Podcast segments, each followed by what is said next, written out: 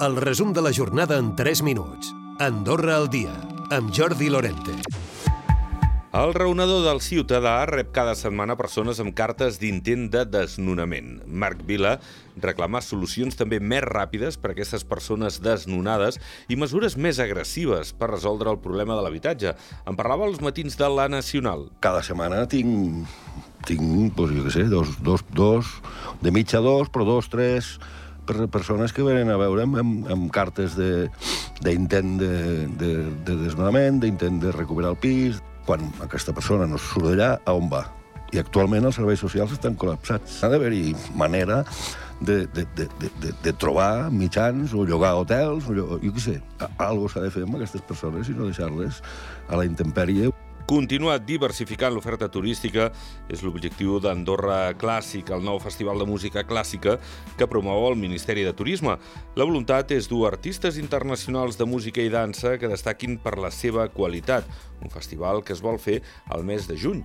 En parlava el ministre de Turisme, Jordi Torres. Aquest esdeveniment que es vol fer serà, durarà, serà de dos caps de setmana, amb, amb alguna orquestra sinfònica, després es farà música de, de pel·lícules doncs, doncs conegudes, és a dir, es vol, es vol organitzar un Andorra clàssic, eh, és a dir, serà un nou pol d'atracció, un nou punt d'atracció, una nova activitat que pensem que fomentarà l'arribada de visitants amb un esdeveniment de, de, moltíssima, de moltíssima qualitat. Torres, com a ministre de Turisme, també ha admès que després d'11 anys i mig de govern demòcrata pot haver-hi un cert desgast, també per l'actual moment, amb l'elevat cost de la vida i la crisi de l'habitatge, i que podria afectar en el votant. Afectarà o no afectarà? Uh, a veure, jo li puc, li puc dir que nosaltres eh, intentarem que afecti el mínim. Els que governem tenim la responsabilitat de buscar les solucions i les solucions no són senzilles. Hi ha moltes solucions que, que són complexes, però nosaltres estem posant-ne moltíssimes. D'altra banda, les vendes de regals per adults s'acceleren els dies previs a Nadal buscant el millor regal per a familiars i amics. Fins i tot també es constata una venda d'impuls. Una cafetera he demanat. Un bolso, un libro digital, un perfume, algo electrónico. Un libro y un, un billete de lotería. Cinturons, un bolso...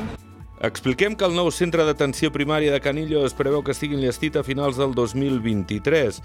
De fet, eh, serà més gran, modern i adaptat a les necessitats actuals. S'ubicarà a la plaça Prat del Riu, on també és previst fer treballs de millora. Tot plegat costarà 1.200.000 euros amb una primera fase que durarà 3 mesos i mig i adjudicat el primer tram del camí del Pla d'Infraestructures Verdes en Camp. Consolida el primer pas de l'acord signat fa unes setmanes pel Govern i el Comú per al desplegament dels camins verds a la parròquia. L'actuació tindrà un import de gairebé 120.000 euros amb uns 350 metres de longitud.